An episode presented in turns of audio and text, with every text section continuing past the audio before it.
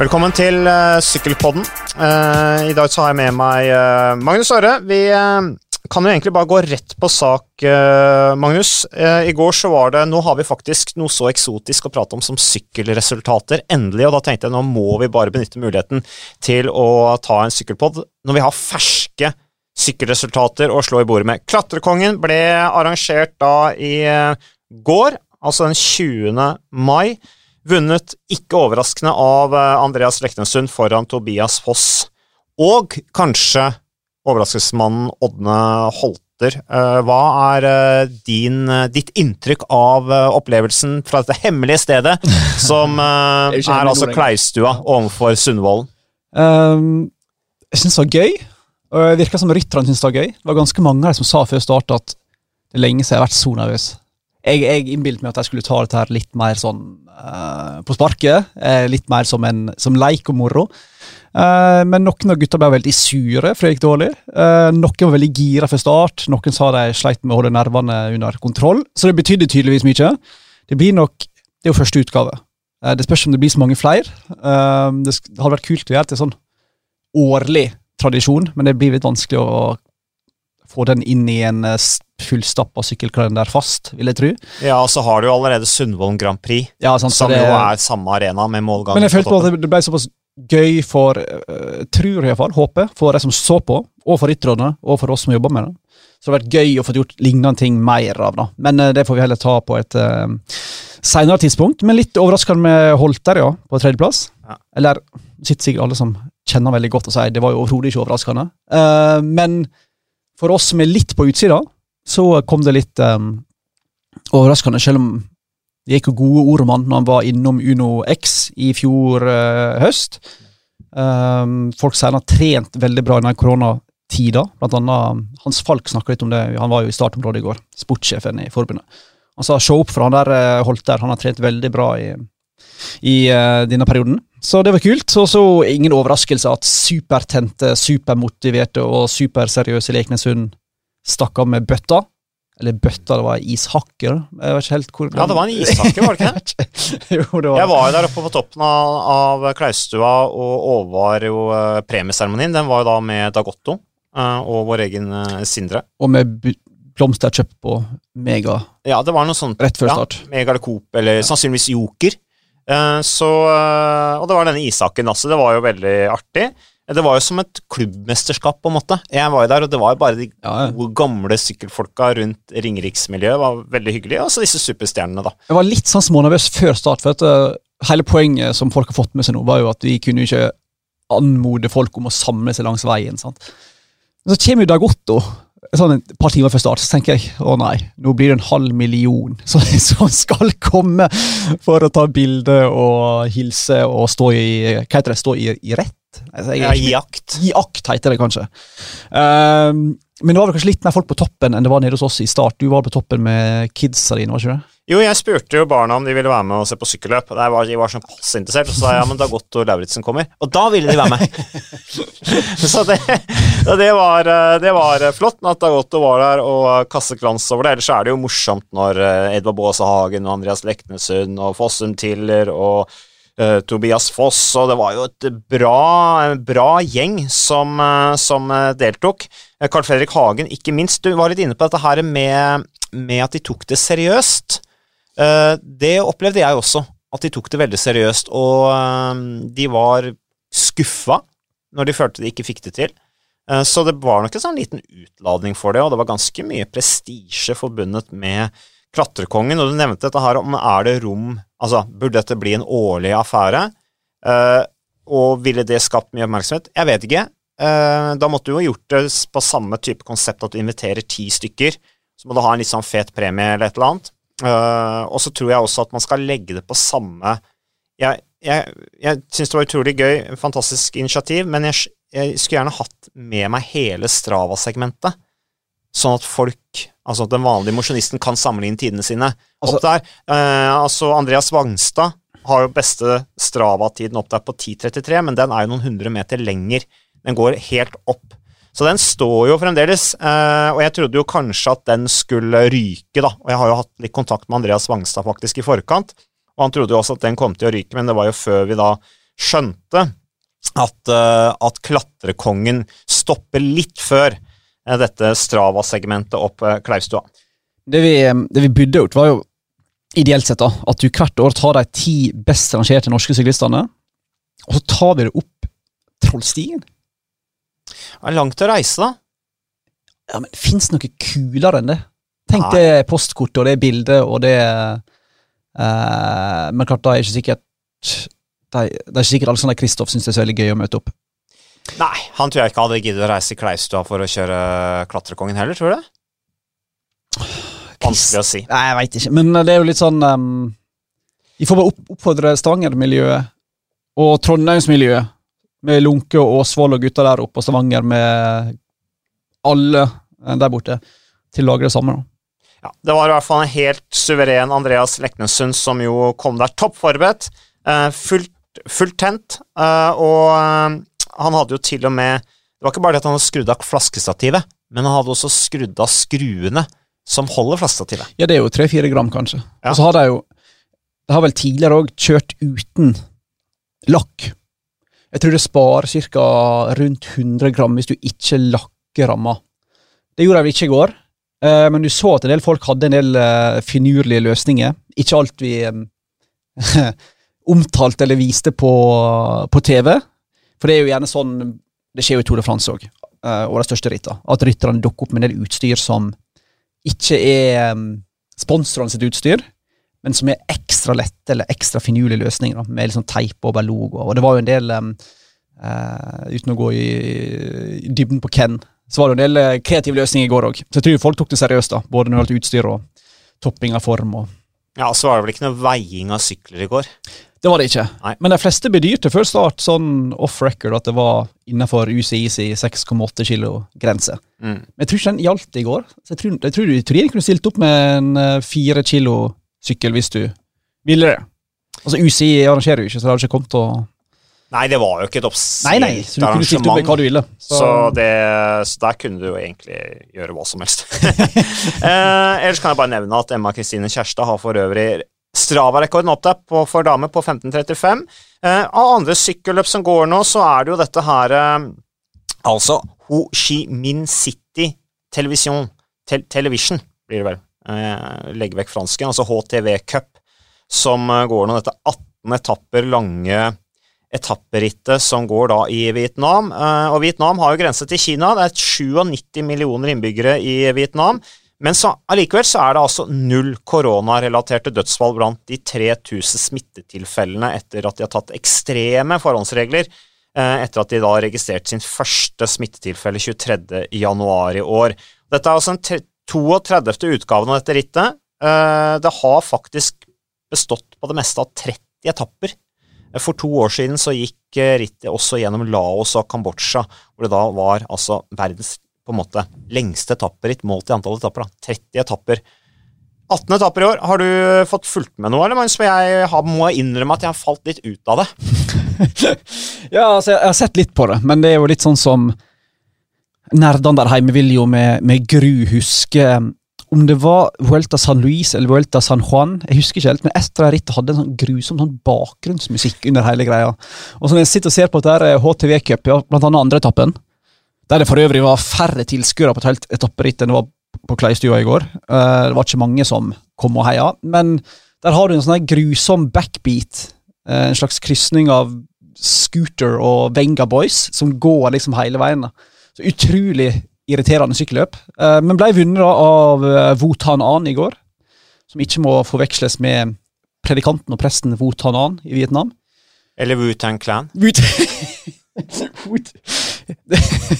som altså er den amerikanske rappgruppa. Wu-Tang Clan er jo, er jo legenda i, i sitt miljø. Uh, Wotan An vant i spurt der, uh, og det var ingen eh, Det var ikke noe énmeters avstand. eller noe sånt. Helt vanlig sykkelritt. eh, utrolig døvt greier. Men det var noe var det døvt, og så var det trøkk i angrepet? angrepene, det var lagarbeid. Det var som du kan se for deg litt sånn mangelfull uh, grafikk og eh, litt sånn rare dronebilder i perioder der du egentlig så bare tre og sånt. Eh, men eh, det var noe sikkert gøy for de som vant og deltok og sånt, da. Eh, men um, Wotan An vant andre etappe der, og så er det altså da Jeg vet ikke hvor mange det er. Eh, det blir jo han der Javier Sardá som vinner i år òg, han som vant i fjor. Men det blir ikke hovedoppslag på TV2 Sportnyhetene i kveld? Nei, vi er så kommersielle og tabloide at jeg får nok ikke plass, dessverre. Mm. Nei, for jeg tror det kunne blitt en innertier. Men eh, du fortsetter å holde oss løpende oppdatert om utviklingen etter never-ending etapperittet HTV Cup i eh, Eller hva er det? HTV HTV Cup, ja. Cup, ja. I Vietnam. Ellers må vi ha litt eh, Vi må jo ha litt dårlige nyheter også, Magnus. Vi er jo tross alt relativt tungsindige begge to. Og det er alltid et eller annet å gruble og bekymre seg over, og alltid et eller annet som går galt. Uh, og du har jo laget en uh, litt spennende sak nå som er veldig bra at du har fulgt opp uh, for øvrig, i og med at vi har, jo har fulgt sykkel tett i TV 2 lenge og var veldig engasjert selvfølgelig i VM i Bergen i 2017. Nå har det kommet en rapport fra konkursboet om hva som skjedde på styrerommet før, under og etter VM i Bergen. Og økonomien var helt ute av kontroll mange måneder før VM og i rapporten så står det følgende Konkursboet anser det som klart at Bergen 2017 ble drevet med et urealistisk kostnad- og inntektsbudsjett, mangelfull oversikt og kontroll med økonomien, og med uforsvarlig stor risikovillighet og optimisme. Og så står det videre Selskapets organisasjon fremstår som svakt bemannet og av den grunn ute av stand til å utføre sine oppgaver tilfredsstillende. Analysen viser at det ville vært økonomisk fordelaktig å kansellere sykkel-VM i perioden februar 2017–juli 2017. Det er faktisk, står det videre, grunnlagt, eh, det er grunnlag for krav mot styre og daglig leder. Og her er det opp at private aktører og Norges Sykkelforbund eh, er blitt satt i en vanskelig økonomisk situasjon da, som en konsekvens.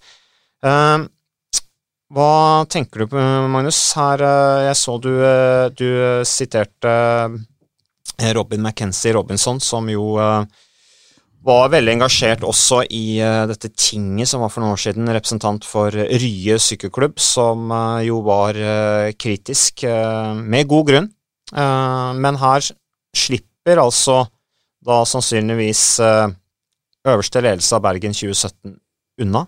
Men hva er årsaken til det?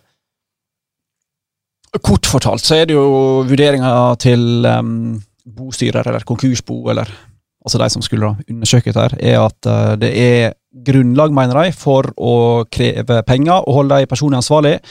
Men de har brukt så masse penger på bobehandlinga. Brukt over 11 millioner, eh, konkursboet. Jeg har ikke peiling på det er masse lite, men i mitt lille hode så høres det masse ut. Eh, så de har lite penger igjen til å føre en sånn sak, og så er det en risiko for å tape den. Så de gjør det ikke. Det er jo um,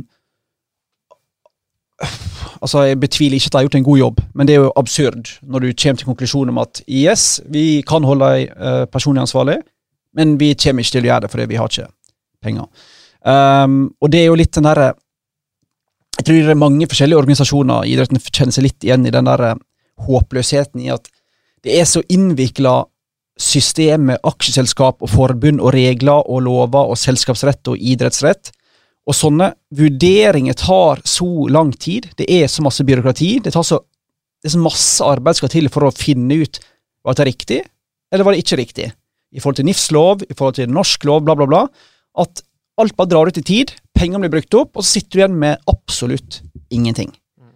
Det tror jeg er en sånn generell frustrasjon vi, altså, om mange forskjellige juridiske diskusjoner i Idretts-Norge. Um, men de legger jo til at det er jo grunnlag for enkeltkreditorer. Altså enkeltkreditorer, altså da et selskap som da har levert en tjeneste de ikke har fått betalt for. De kan gå til sak, men hvem er det som har krefter, tid og penger til å føre sånne saker, når ikke engang konkursboet har det? Um, jeg ser ikke helt for meg. Men spørsmålet er jo på en måte nå da om um, uh, Sykkelforbundet har jo sagt lenge, etter at uh, ja, det var Region Sør som uh, mente at um, Harald Tidmann Hansen, altså da daglig leder i Bergen 2017 AS og tidligere sykkelpresident Og styrerepresentant i Det internasjonale sykkelforbundet. Ja, der mener du at han har, kan ha brukt idrettens lover, og i verste fall hvis det blir bevist, bør uh, miste sine verv i idretten. Den saken ble jo uh, starta for en god stund siden. Den lagt litt på is. Uh, og Norsk, Norges Sykkelforbund har alltid sagt um, vi avventer å støtte eller ikke støtte det søksmålet. Søksmålet er det ikke. Anmeldelsen. Til vi får den endelige bostyrerrapporten. Uh, syke, Ja, og Ja. den kommer jo nå. Ja, for, det, for Region Sør vil jo selvfølgelig at, at uh, eh, forbundet skal føre en kamp, og ikke de som et, som et lite regionalt foretak på mange måter. Naturligvis. Men de har sagt at de vil vente, men nå har den kommet, og de skal ha et styremøte neste torsdag, om jeg forsto det rett, altså ei uke fra i dag, der de skal snakke om dette her. og så er jo million dollar question hva som skjer, da. Om forbundet sier her er det såpass åpenbart grunn til å forfølge dem at vi joiner Region Sør og tar saken med eller for dere, eller om de sier at nei, vi lar den ligge. Det vil i så fall være en veldig snuoperasjon, da. Eh, For det har på en måte Sør har vært veldig kritisk til mye av det forbundet har stått for nå i mange år, Mm. og tidligere styre, og de var ikke helt fornøyd med hele prosessen rundt forrige ting. Eh, Så eh, det ville jo i så fall vært en spennende Hva tror du forbundet gjør, da? Jeg vet hva, det, det, det jeg, For meg så er det helt sånn 50-50 hva de velger å gjøre, altså. Så øh, jeg, jeg føler på mange måter at de bare ønsker å bli ferdig med det. De ønsker å bare holde den kursen de har nå, jobbe med det utgangspunktet de har. Eh, De har store utfordringer nå rundt eh, korona, og jeg tror rett og slett ikke de har veldig mye kapasitet til å følge opp så veldig mye mer. Det går, det står, handler veldig mye om ressurser også, men rent sånn korrekt sett så tror jeg kanskje at de burde anmelde det til idrettens domsutvalg, ja. Ja, og Det kapasitet. sånn Det har, vel, det har vel et forbund som kjenner materien og Altså, det har vel kapasitet til å føre en sak for idrettens lovverk, kanskje? Eller altså, er det så så vanskelig? Det må vi nesten spørre de som sitter i Sykkelforbundet om, men eh, det blir spekulasjoner. Men det, blir, det er uansett en spennende vending i, eh, i denne saken. Eh, og neste torsdag så får vi altså da svaret på hva Sykkelforbundet velger å gjøre videre med den saken. Det blir spennende, da, for at du får den ene Du vil få masse negativ presse, og det er jeg fullstendig klar over sjøl òg. Fra sannsynligvis Det er mange kritikere. De vil få negativ presse hvis de sier 'vi lar det ligge', for det kan enkelte tolke som 'vi bryr oss egentlig ikke'. Ikke at det nødvendigvis er riktig, men det kan lett tolkes sånn.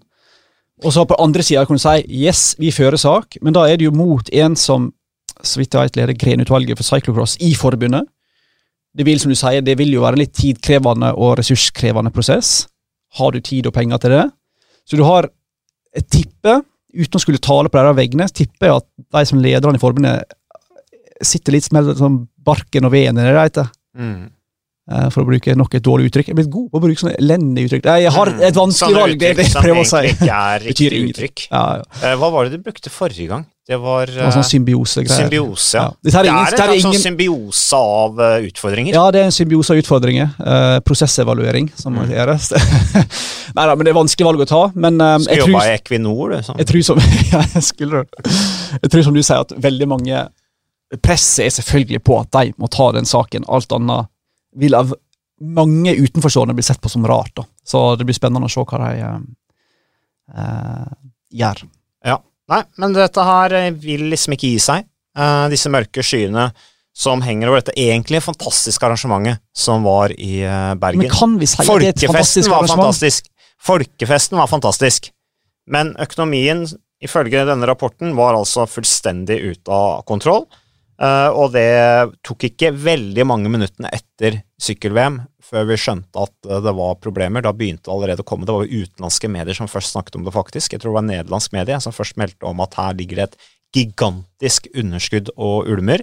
Uh, og det var jo Det ble jo allerede en dårlig start når det ble snakk om Når man skjønte at underskuddet fra sykkel-VM på, på, på Hafjell, terrengsykkel-VM på Hafjell, var bakt inn i budsjettet, eller økonomien til VM i, i Bergen 2017. Men bare for å være litt kjip, eh, kan vi kalle det et fantastisk arrangement?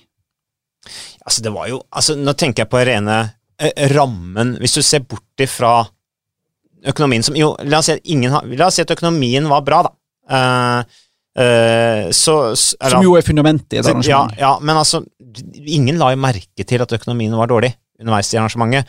Folkefesten var jo flott. Bildene var bra. Entusiasmen, engasjementet var bra. Det sportslige fungerte. Så Men, men altså, hvis jeg har sagt til deg Hvis jeg har gitt deg et oppdrag Du skal arrangere sykkel-VM i, i Bergen i um, 2017. du får et ganske stort budsjett. Det er sol og fint vær hele veka. Uh, Rytterne kommer av seg sjøl, så det er jo ikke noe sånn du skal stå for. Um, og du arrangerer dette her på Jeg husker ikke helt i Haudalstallet, om det var 154 millioner eller ja, Det er nedjustert litt underveis. Uansett da, Og så bruker du ja, Det er vel krav på 90, noen og 90 mill. mot deg som har brukt altfor masse penger. Ville ikke hvem som helst klart å arrangere artige sykkelritt med masse folk i Bergen når det er fint vær i et VM? Er det et så fantastisk prestasjon, for å si det litt sånn, sette litt på spissen? da? Så du i tillegg bruker altfor masse penger i tillegg? Men altså, publik, altså Ber Bergens jo befolkning var jo en vesentlig årsak til at det ble så bra som Jo, det ble. men de møter jo opp. Det er jo akkurat som Qatar, VM i Qatar, ikke sant. Det, det kan jo også være et helt striglearrangement, men eh, det blir ikke bra uansett. Nei, men Hvem sin fortjeneste det? Er ikke i ber bergenserne sin sånn evne til å slutte opp om ting og engasjement, og er ikke det bare deres sin? Så det var kanskje takket være de, i tillegg til naturen og været. Ja. Mm. Så det var sånne ting som man ikke har kontroll over, som, eh, som spilte på lag da, Mm. i arrangementet, og som bidra til at det tilsynelatende der og da var en suksess. Men Altså- det må jo ha vært tungt å jobbe i den indre kretsen, tenker jeg, i sykkel-VM, og vite egentlig hva som foregikk. Det, det må jo ha vært en helt vanvittig belastning Ja, for de som sto i det, og liksom skulle smile og hilse og være, la seg engasjere og være begeistra når de har det der, når de, når de vet det, hva som egentlig ligger bak.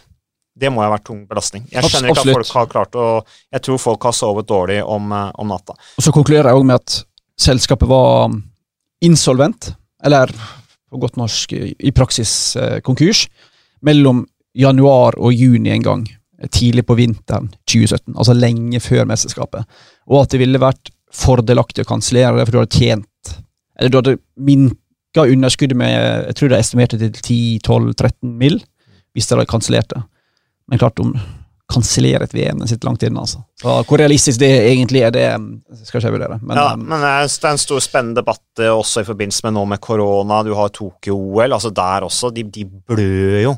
Altså, de brenner penger, eh, arrangørene der i, eh, i Tokyo. Men over til en annen eh, dårlig nyhet, når vi først er i gang med å, eh, å snakke om ting som er trist. Doping. Eh, Positiv dopingprøve på meksikanske Luis eh, Villalobos, 21 år gammel, for veksthormonet GHP6. Jeg vet ikke hva slags type veksthormon det er. men- GHP. GHRP6, som er da veksthormonfrigjørende peptider. Samme som Samuel Sanchez, Fabrizio Guidi En del ryttere har stått for det. En ganske mye brukt veksthormon. Ja, veksthormon er jo Det høres litt rart ut for mange, sikkert, men det er jo brukt en del i sykkelsporten. Mm. Blant annet av Lance, som det snakkes masse om uh, disse dager, i forbindelse med en E ISPN-dokumentar. Han sier jo at han brukte kun veksthormon én periode i livet sitt, og det var rett før han fikk påvist kreft. Ja, han sier han at det kan Ja, ha bidratt til kreft. Han utelukker ikke det at uh, når du uh, jeg, kunstig går for å utvide muskler og Ja, det utvider jo òg skjelettet til en viss grad. sant? Det er jo Mm. masse snakk om disse her utøverne som får uh, underkjeva og gap mellom tennene for jeg har brukt for masse veksthormon. sko. Ja, sånn, Eller sko, altså de får større føtter. Så um, han har altså da tatt noe som frigjør utskillelsen av veksthormon, via Lobos, som jeg sa til din far før Innsbruck-VM, husker jeg sa, han kommer til å vinne gull i morgen. I, altså U23-VM.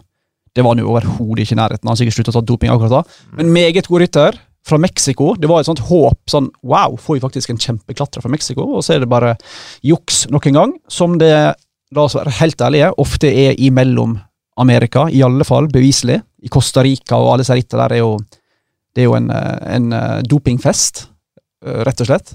Og i, til en viss grad i Sør-Amerika. I mange ritter nede. Så overrasker en jo ikke. Men utfordringa er vel at Jonathan Voters, den karismatiske tidligere sjefen til Tore Hushovd, som leder EF, det skjedde jo på tida rett før han ble en EF-rytter. Han er jo sur på UCI, for du kan bare finne GHRP6 visstnok i WADA-akkrediterte laboratorium. Men når de gjennomførte sine um, hva heter due process, altså sine um, screeninger og bakgrunnsundersøkelser før de ansatte han, kjøpte han, signerte han, da fikk de ikke bruke de fikk ikke bruke et WADA-laboratorie for å blant annet benytte seg denne metoden for å se om han hadde brukt det. Så de mente at vi har ingen teoretisk eller praktisk mulighet til å se om han bruker dette, her, men UCI sitter på metoden, derfor så er the blame is on you. For de må gjøre metodene tilgjengelige. Eh, vanskelig å vurdere Mm. hvordan de gjør det der. Men eh, det er iallfall eh, supertalent via Lobos som eh, fylte opp garnet. Dopinggarnet. Som ble supplert med Pantano her om dagen òg. Hvor gamle. Tre års avtale med EF Education. Uh, ble tatt altså for, i en um, utenfor konkurransetest da hjemme i eh, Mexico av det meksikanske antidopingbyrået 25. april i fjor. Altså um, drøye ett år siden. Syklet for det Han syklet for U23 kontinentallaget AE Velo, ledet av Michael Creed. Eh, Michael Creed er jo også en personlighet. Eh, Han var proff eh, på tiden jeg selv var proff også. Jeg husker han godt fordi han syklet i Discovery Channel. Amerikaner, selvfølgelig, Creed. Og han har jo også vært, hatt sine store nedturer, vært langt nede med depresjon, blant annet. Spiseforstyrrelser, vært veldig åpen rundt det. Og jeg husker også at han var veldig skeiv i hofta, så han satt veldig urolig på setet. Han var skeiv i hofta. Ja, og det er jeg også. Eh, sånn at liksom du, du på en måte faller litt over den ene siden av setet, og så må du rette deg opp hele tiden for å finne balansen på setet. Som, jeg- som vinglepetter, altså. Eh, Nei, ikke vinglete på sykkelen, men han sitter veldig urolig, urolig på setet. Han må på en måte rette seg opp på setet hele tiden. Eh, Og det har med en skjevhet i hofta å gjøre. Så, men ja, han er jo veldig lei seg for dette, da, Michael for han har jo også vært en sånn ambassadør mot doping. Ja, ja, han mener jo, han sykler på Discovery Channel, husker jeg, og han mente jo at han er en av de få som ikke dopa seg. Men hvis folk skriver eh, Michael Creed San Francisco på Google, da får dere opp det mener Jeg vet ikke om jeg mener det, men det er iallfall hvert fall et av de kuleste sykkelbildene som er tatt. da. Skriver Michael Creed San Francisco, så ser du et bilde av han på toppen av Fillmore Street, som holder sykkelen opp i været. Det er jo der det, Før var det sånt eh, San Francisco-ritt der de sykla opp Fillmore Street med en sånn brutalt bratt bakke. Ja, jeg sykla bakketempo opp der, ja. Har du det, Fillmore Street? Ja. Har du det? Ja, for på toppen der er det et bilde av. California rundt. Ja, ja, stemmer det. Der står Michael Creed med sykkelen heva over armene over hele San Francisco, masse folk. Det er din neste eh, det, skjermsparer på dataen din, kanskje? Nei. Nei! Nei, jeg skal ikke ha bilde av Michael Creed på, på skjermspareren min, altså. Hvorfor ikke? Nei, der har jeg bilde av kona mi. Å. Eller ungene. Er du en sånn en? Ja, altså, Kona mi ville jo begynt å lure meg, plutselig bytta et bilde av henne med Michael Creed. Men du, bare søk det opp, så Ja, det er et kult skal- bilde. Ja. Helt enig. Det er eh, nesten på grensa til ikonisk. Ja. Det neste i Eh. sykkelsporten er jo ikonisk eller mytisk, så vi, jeg tror vi absolutt kan slenge det her inn i den altfor store båsen. Ja, i hvert fall for oss sykkelfolk så er dette et artig Vi artig burde egentlig finne noen nye ord snart. Vi, jeg føler vi bruker alltid hver eller annen stigning i Tour de France. Mytisk. Mm. En sånn ritt. Ikonisk. Men eh, jeg, vi har ikke Ja, vi har, det var første gang Kan vi sa vi ikonisk nå på Jo, men det kan hende sykkelsporten generelt overselger seg litt med at alt er mytisk og ikonisk. Ja, men et eller annet må det jo være. Ja. Så ellers, da går vi over på gode nyheter, eh, Magnus. Uh, Idet jeg får opp melding fra, fra kalenderen min om at nå er det snart Hammer uh, Stavanger. Det er det jo ikke, det vet du jo, det er uh, avlyst. Men uh, lønninger L'Equipe, den franske sportsavisen, de eh, lider litt opptatt av Agurknytt, sånn som eh, hele idrettspressen gjør, inkludert oss i eh, TV 2, og har derfor da gravd i rytternes lønningsposer. Eh, og det som er litt spennende der, hva de har funnet, det er jo at Team Inius, ikke overraskende, de er de som eh, har mange oppe i toppen. De har hele fem ryttere blant de ti best betalte prosyklistene i verden. Eh, men det er Peter Sagan som, eh, som er øverst oppe på statistikken, med fem cirka, eller rundt 5-5,5 millioner euro, som han da tjener i Bora Hansgrohe. Og så kommer Froome på en andreplass, Garen Thomas på en tredje. Froome tjener 4,5 millioner, Garen Thomas tjener 3,5. Du har Nibali på fjerde med 3 millioner euro. Egan Bernal er nummer fem med 2,7 millioner euro. Eh, Fabio Aro nummer seks med 2,6 millioner euro. Jeg tror at kanskje Han må nok forvente seg noen kutt i framtida. Han er jo det åpenbare Finn en feil på denne lista. Ja, det var bare sånn Hæ? tenkte jeg. Kan det stemme? Hvis det stemmer, så tjener han altså Euroen er jo Jeg vet ikke hva kursen er om dagen. jeg. Den er jo så Rundt ti? Ja, 10-11. Ja, Han tjener altså da grunnlønn på nesten 30 mil for å ja, Han har vært skada, greit nok, men eh, Han tjener godt. Det gjør han absolutt. Han tjener mer enn uh, du og når du var proff. Det kan du si. Du altså, når du var proff, egentlig? eh, det ble sånn på det meste 450 000. Euro eller kroner? ja, I året? Ja, euro i året, ja. Kroner, ja. ja sånn, sånn standard flat lønn, uten Ja, bonuser? eh, Legi ga meg litt mer hvert år, da. Ja. Og så, så Det var hyggelig, det. Men fint, det. det jeg var fornøyd, jeg. Det var ikke det, var ikke det som Trente ikke noe mer eller mindre av den grunn. Eh, ellers kan vi gå videre. Bak Aros så kommer Mikael Kwiatkowski på en eh, syvende. Da 2,5 millioner euro, altså gode 25 millioner kroner. Eh, Ala Filip, beste franskmann, er nummer åtte med 2,3 millioner euro. Valverde er nummer ni på lista over best betalte ryttere med 2,2 millioner euro. Og så er det Richard Carapaz, som jo sies at gikk til Injos nettopp pga. lønna, eh, eller økt lønn, og tjener da 2,1 millioner euro. Men det rare er, er ikke uenig. enig? Hvor er liksom de som vinner flest sykkelritt på denne lista? Hvor er liksom Gaviria, og han lå vel på ca. to han òg, tror jeg. Men jeg hadde sett for meg at du fikk kanskje disse her storspurterne som faktisk står for klart det seirene skulle være høgst på listene, men her er jo nesten utelukkende Grand Tour-ryttere, faktisk. Ja, Bortsett fra Peter Sagan. Og så har du jo mm, ja, Kwiatkowski som tjener mer enn alle Filip. Ja, Kwiatkowski er bare blitt mer og mer en hjelperytter. Han har det, men han er jo- de siste to årene. du, hvis det stemmer seg taler, da, tatt det forbeholdet, så det viser jo det er grunnen til at en så eminent talentfull rytter som Kwiatkowski Det viser jo hvorfor han er villig til å være hjelperytter når du tjener den lønna der. Han kunne jo vunnet hva som helst, mener jeg, da. Men han er jo en hjelperytter, og hvis du får 2,5 mill. euro i året for det, pluss bonuser, pluss sponsorer, etk, så um, kan du forstå begrunnelsen, da. Det er jo det Nei, det, det er jo det Ineos gjør, ikke sant. De Ja. henter ryttere som kunne vært kapteiner hvor som helst ellers, gir de en voldsom lønningspose som en kompensasjon for å ofre egne resultater for andre, eller på en måte bidra til lagets målsetting, da. Uh, og det er jo uh, fair enough, men eh, det er jo da kritikere av Injos som mener at det presser jo da veldig opp prisene på rytterne i miljøet, og gjør det vanskelig for lagene å eksistere. Froome, nummer to på lista, visstnok med 4,5 mill. euro. Igjen tar med en liten klype salt. Noen mener at det er enda mer. Uh, Ja, for dette det- her er vel lønna fra laget. Ja. men jeg ser jo det neste punkt på lista er jo hans framtid. Og jeg tenker jo La oss være litt sånn spekulative, da.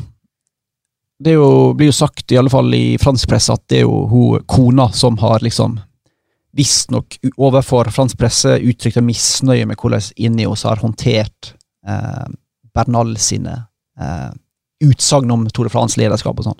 Kan det være et forsøk på å Og nå er visstnok vurderer han å bytte lag midt i sesongen. Det kan jo være sånn som vi ser i fotball, da, at du bevisst planter litt rykte for å heve markedsprisen. For spørsmålet er om Chris Froome vil kunne klare å heve samme lønna på en ny kontrakt. Han er ute av kontrakt ved året. Har han nok resultat å vise til siste året til å fortjene 4,5 millioner euro?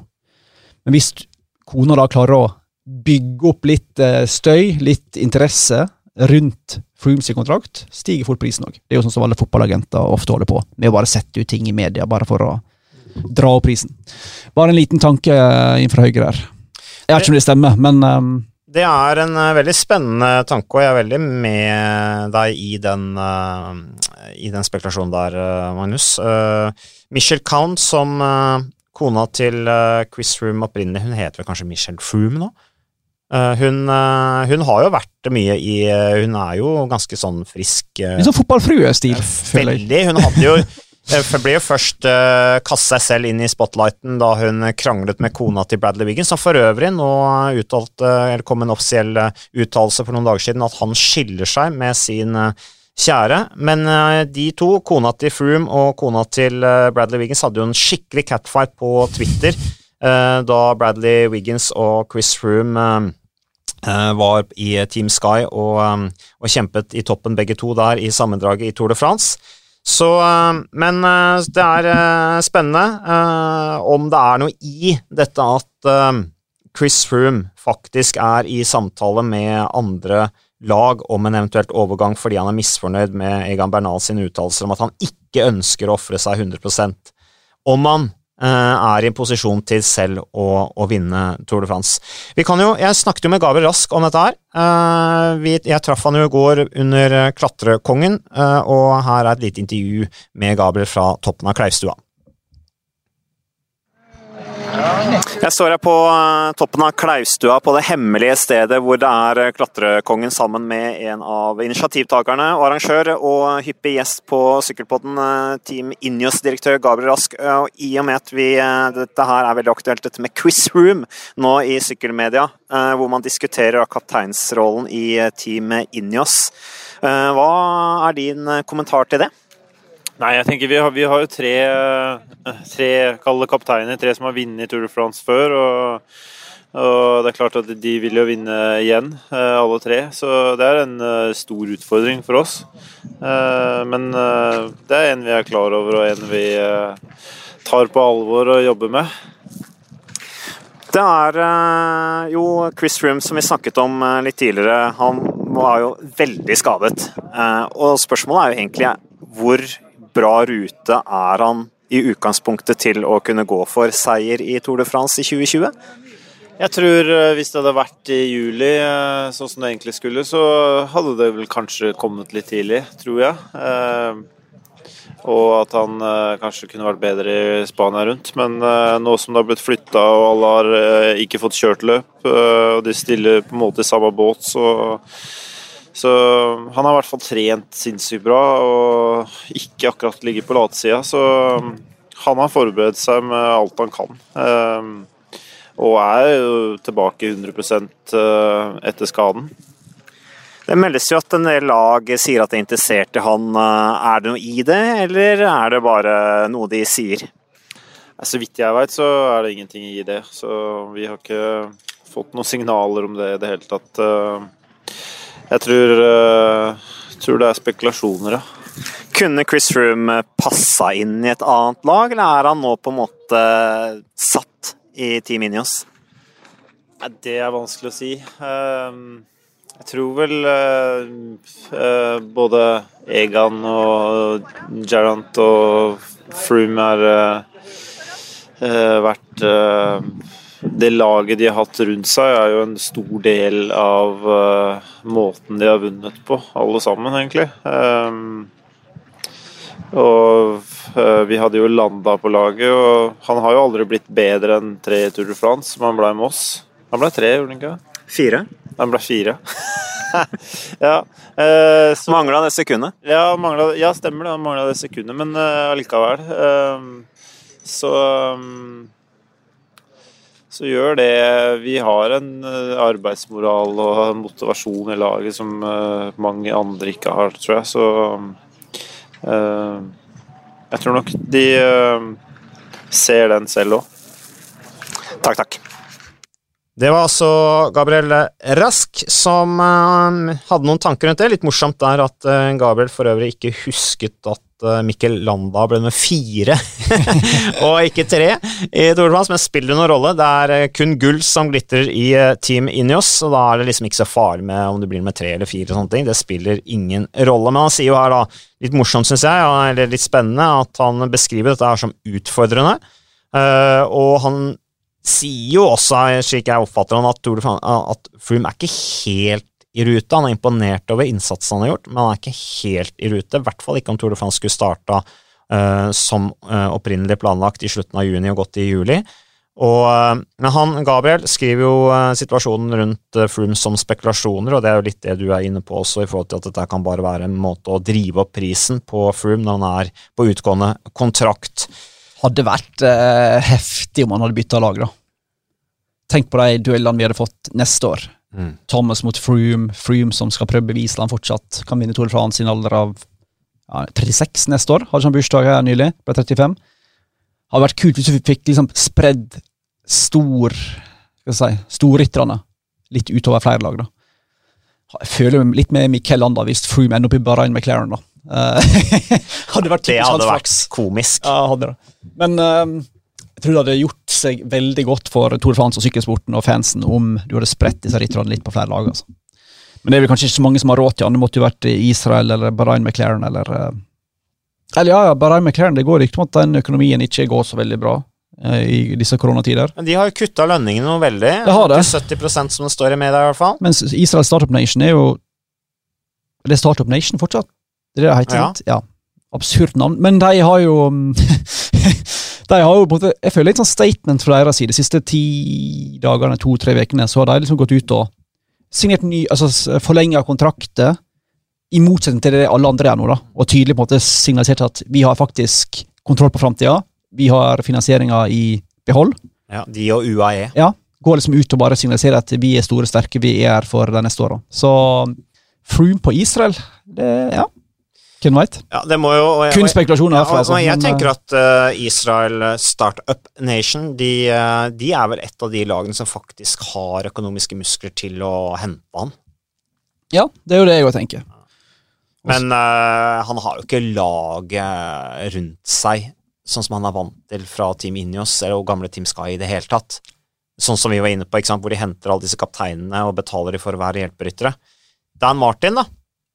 Den Martin hadde jo funka, og han ble vurderte jo, det har han sagt tidligere, å gå til det som da var Team Sky for å være hjelperytter der for noen år siden, før han i stedet valgte å være kaptein på The Cunning Quickstep. Jeg tror det var den perioden. Uh, men klart, Dani Navarro og Ben Hermans, det er liksom ikke Mikhail Kwiatkowski og Wouter Pools, det, altså. Nei, da hadde Chris Froome vært mye aleine.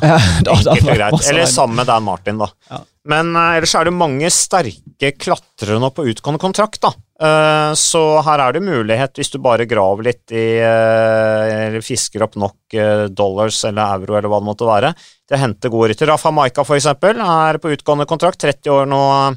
Maika har ikke vunnet en ritt siden 2017, men uh, har jo kapasiteten i orden når han er på sitt beste. Adam Yates har jo syklet veldig bra i år, vant jo UAE-tour før de måtte kutte det pga. korona. Blir jo nummer fire i Tour de France i 2016. Har kanskje ikke vist helt samme form siden, men burde kunne være en veldig bra hjelperytter, tenker jeg. Adam Yates. Eh, som også kan gå for mye gode resultater, litt mindre etapper, som kanskje passer han bedre. Lutsjenko er på utgående kontrakt, men han er, liksom, han er Astana-mann. Det er ikke noe Altså, vits å tenke noe annet. Hvis du signerer Lutsenko med, med Ferrari-rykta seg tidligere i år, pluss de som leste intervju med Rudi Pevenage her om dagen, som sier at Ferrari fortsatt jobber på Tenerife, går under kallenavnet Testarossa Ja. nå, byttet kallenavn. Ja, først, altså, de må snart begynne å lage litt klokere kallenavn, det er jo ingen som lar seg lure av det kallenavnet der. Men hvis du signerer Lutsenko altså, Helt enig, fenomenal rytter, men da kjøper du noe som kan tilsynelatende eksplodere. da. Så du skal være ganske Du skal ha ganske nøye forberedelser før du faktisk signerer Lysenko. Jeg tipper Han han er jo Vinokor av sin baby.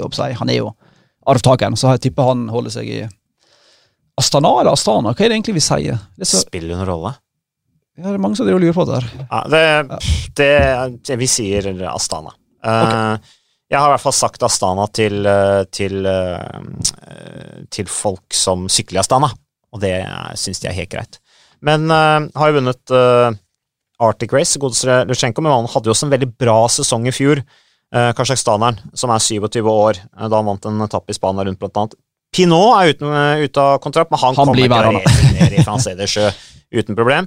Theo Kigogenhart er ute for kontrakt, 25 år gammel briten, men han kommer til å fortsette i Team det er jeg ganske sikker på. Han er liksom fremtiden. Eller endrer det at Rod Ellingworth er bare McLaren litt på disse her eh, Altså, Det gir jo et moment der med Han kjenner godt Theo Gegenhardt. Gegenhardt har så mange kapteiner foran seg. Har bare delvis tatt muligheten han har fått den. Han, jo, jeg følte jo ikke helt han tok den der Vuelsa-muligheten han fikk nei. i fjor. Nei. Jeg vet ikke, jeg. Jeg bare tenker høyt. Men uh, jeg tipper at når Rod Ellingworth bytter skip, at det kanskje kan føre til at en Froome, en Gegenhardt, kanskje faktisk i alle fall vurderer muligheten da, for å bytte lag.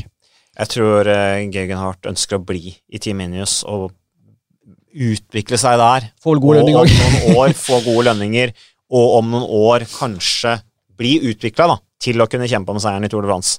Eh, og, og nå med all usikkerheten rundt uh, Bahrain Merida og lønninger og i det hele tatt, så skjønner jeg godt hvis han ønsker å bli der han er.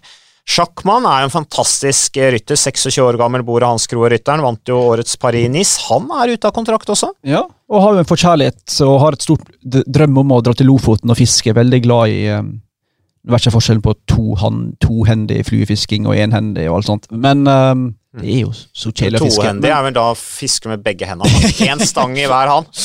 men han er veldig glad i det, altså, og fantastisk rytter.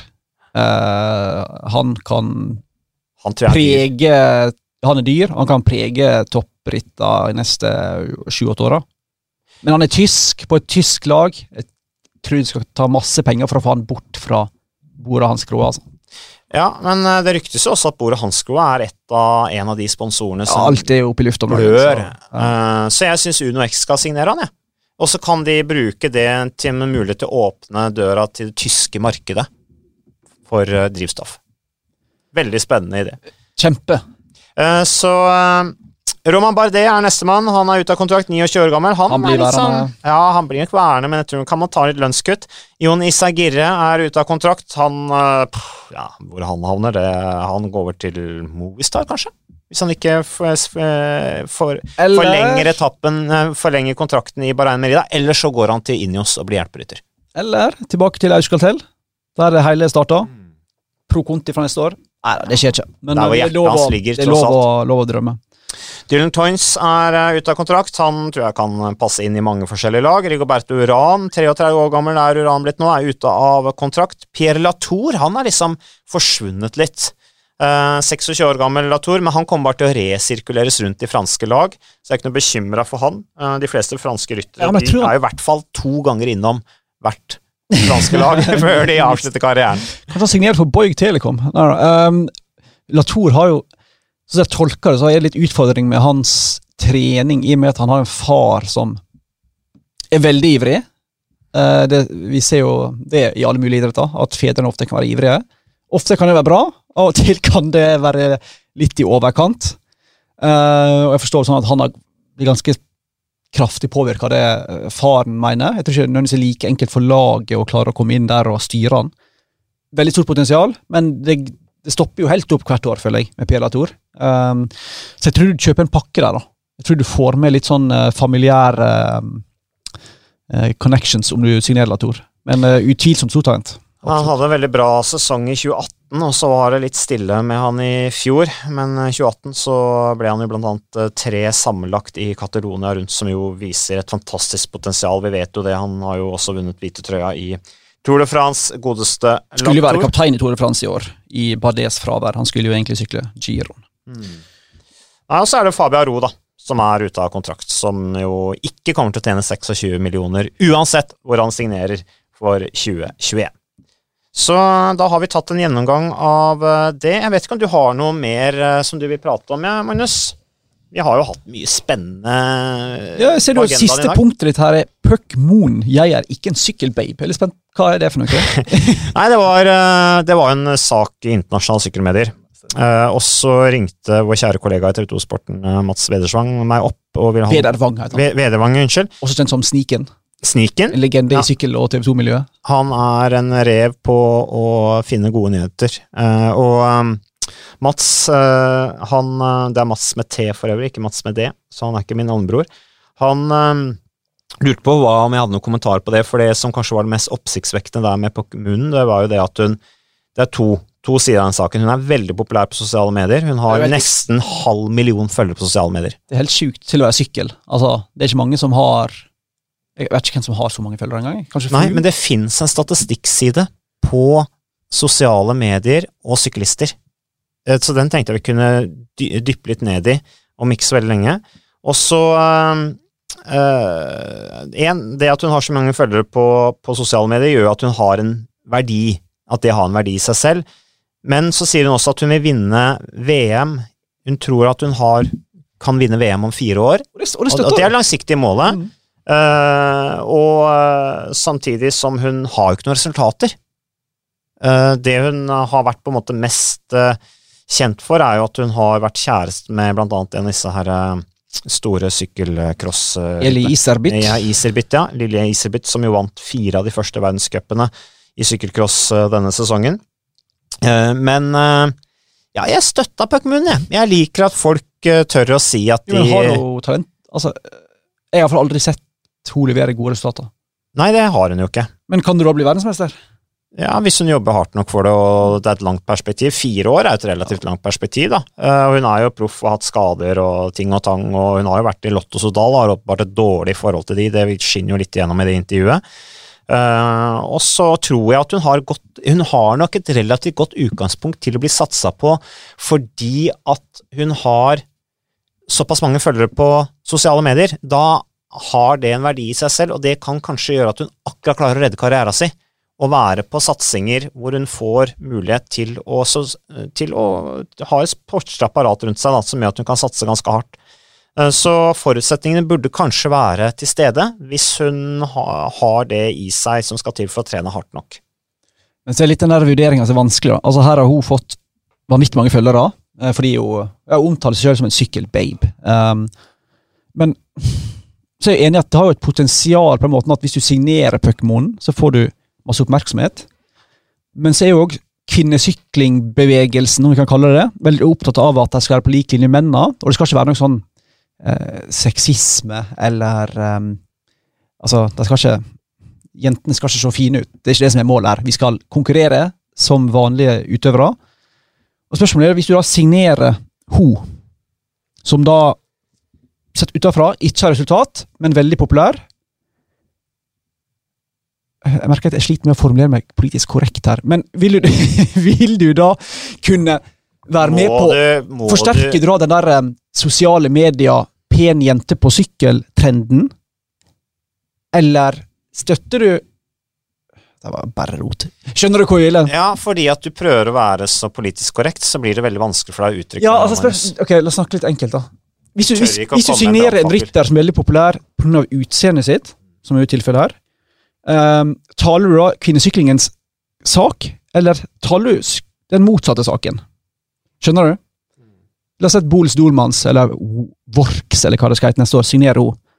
Så er jo det òg litt sånn Det er jo litt sånn etiske issues der, da. Hun er jo ikke god nok til å komme på det laget. Nei, det er det jeg mener. Altså, hvis du signerer sånne, sånne ryttere, da, i hermetegn, så kan hende du jobber litt mot det du egentlig prøver å jobbe for. Det Var er det, var det tydelig?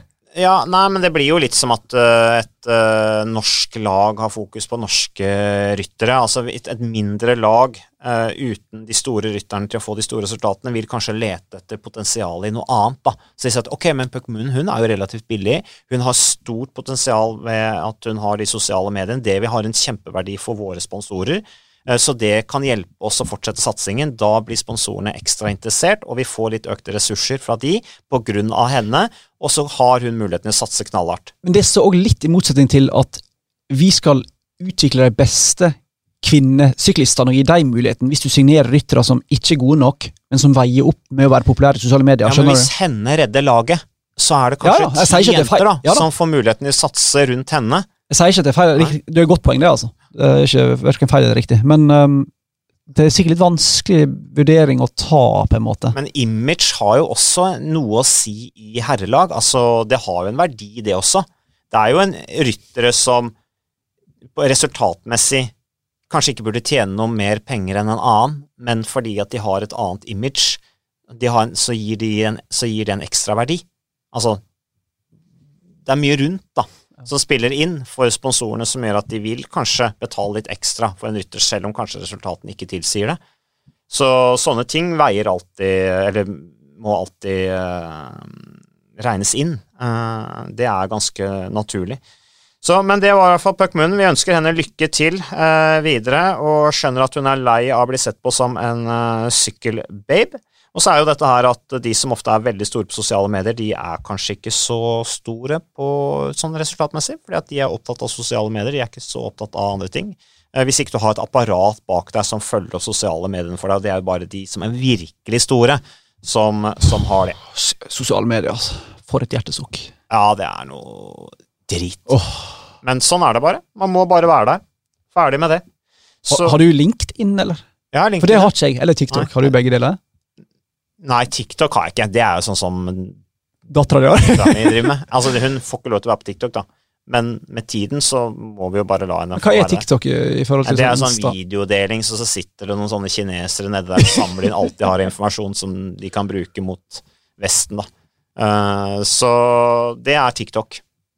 Så uh, Styr unna, folkens. Ja, styr unna TikTok, og det er jo også en aldersgrense på det. Det anbefales å ikke oh, ja. Altså Det er jo disse ekspertene som mener at man bør være forsiktig med okay. å slippe til barna på TikTok. For det sitter alltid en eller annen på andre sida der og kanskje ikke er så er ute etter litt andre ting, da. enn det kanskje disse barna ønsker. Så det, men da tror jeg ikke vi skal, jeg tror vi skal avslutte denne sykkelpodden, og så er vi sikkert tilbake om ikke altfor lenge. Og så ønsker vi alle en uh, videre fin helg.